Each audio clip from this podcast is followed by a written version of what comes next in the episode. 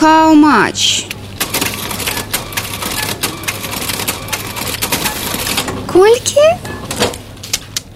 Добры дзень з вами рубрика хау-матч у якой мы гаворым пра асноўныя эканамічныя падзеі тыдня сёння мы паговорым пра тое што прыдумалі ўлады каб затрымаць у краіне моладзь а таксама пра тое навошта Беларусь хоча будаваць атамныя ледаколы і дзе ўрад зноў шукае грошы На гэтым тыдні Александр Лукашенко зноў распавядаў сваім чыноўнікам пра праблемы вышэйшай адукацыі бо з беларускай школай улады зрабілі ўжо ўсё што маглі а вышэйшая адукацыя пакуль трымаецца Як заўжды лукашенко хваліўся дасягненнямі савецкіх часоў. Советская высшая школа дала миру гениальное открытие прославленное на весь мир имена тогда полученные в наших вузах знания были на вес золота и сейчас в беларусь едут учиться потому что мы сохранили лучшие советские традиции. То бок дзякуючы савецкім традыцыям у беларускіх вНУ няма адбою ад студэнтаў якія жадаюць у іх павучыцца. Але студэнтаў беларускім вНУ не хапае. Хаця лепш чым у беларусі адукацыі нідзе не знайсці. І студэнты гэта разумеюць. Таму беларускія студэнты не жадаюць вучыцца ў беларускіх вНУ а едуць вучыцца за мяжу. Адчуваецца гэты шизофрэнічны ўзровень логікі але лукашенко і сам адчувае што нешта з яго логікай не так. Почему бгу бнту медвузы гуир не является для наших студентов вундеркиндов приоритетом для поступления? Апошнія гады колькасць студэнтаў беларускіх вНУ імкліва скарачаецца. Калі ў сезоне 20 21 года ў беларускіх вНУ вучыліся 255 тысяч чалавек дык цяпер 230 тысяч мінус 25 тысяч за два гады. А ўсё чаму Таму што як кажа Александр лукашенко беларуская адукацыя лепшая адукацыя ў свеце ваши выпускники должны четко осознавать и понимать что наше вузовское образование в Беларуси лучшее. Вось таму што адукацыя ў беларусі лепшая і вучні гэта выдатна разумеюць яны ўсё часцей выбіраюць не беларускія вНУ а замежныя А яшчэ ў беларусі створаны самыя лепшыя умовы для моладзі нідзе больш беларуская мова не знойдзе сабе такіх выдатных сацыяльных гарантыяў якія стварылі для беларускай моладзі беларускія ўлады. Таму што беларускім выпускнікам у беларусі гарантавана іх першае працоўнае месца. І гэта вялікая перавага для беларускіх выпускнікоў бо нідзе большым першае працоўнае место не гарантаванае. Менавіта таму адвучыўшыся ў беларускіх вНУ беларускія выпускнікі едуць працаваць за мяжу каб не карыстацца гэтай выбітнай сацыяльнай перавагай бо нідзе больш таких выбітных сацыяльных пераваг беларускія выпускнікі не маюць і не скажа што беларускія ўлады нічога не робяць для таго каб павысіць прывабнасць беларускай вышэйшай адукацыі беларускія ўлады ўжо ўвялі выкуп за права выпускніка не працаваць по размеркаванню адмянілі адтэрміноўку ад войска для тых хто вучыцца ў заходніх вНУ разгналі цэнтры вывучэння польскай мовы. Але людзі ўсё роўна з'язджаюць Тому министр адукации Андрей Иванец пропановал. Предлагаем повысить кратно сумму средств за возмещение молодым специалистам в случае неотработки по распределению, а в каких-то случаях, может быть, и полностью уйти от возможности возмещения затрат за учебу, потому что, окончив университет, ты должен стать специалистом. А для этого минимум два года ты должен прийти и отработать по своей профессии.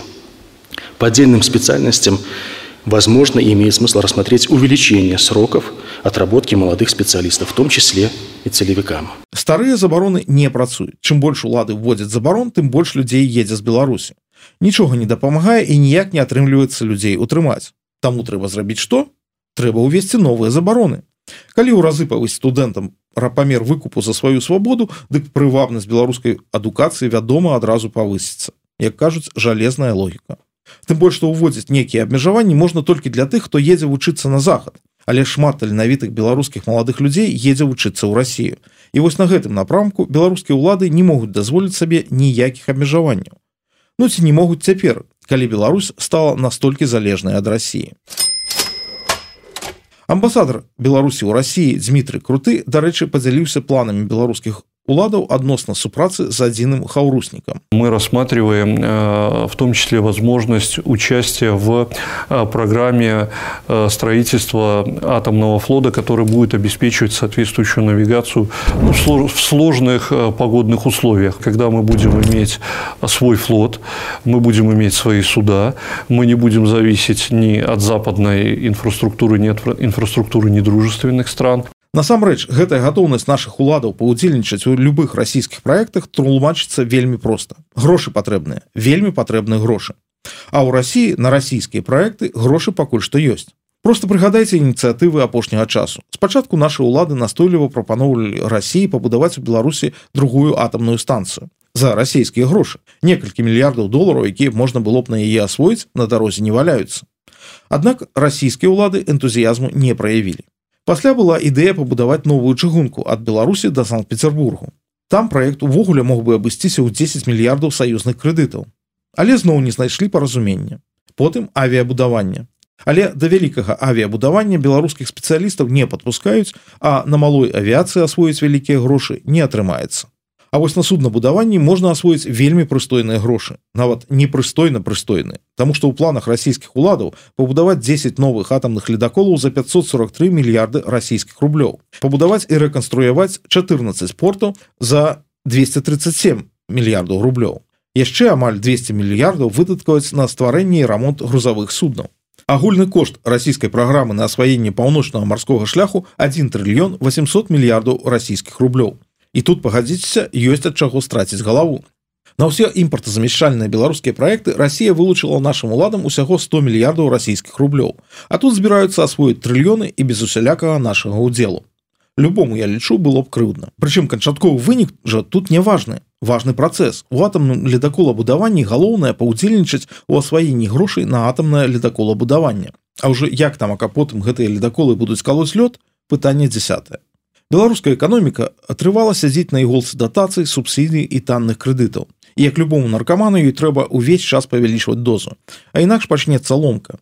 І першыя прыкметы гэтай ломкі з'явіліся ўжо напрыканцы мінулого года. А далей калі не знайсці спосаб павялічыць дозу будзе толькі горш.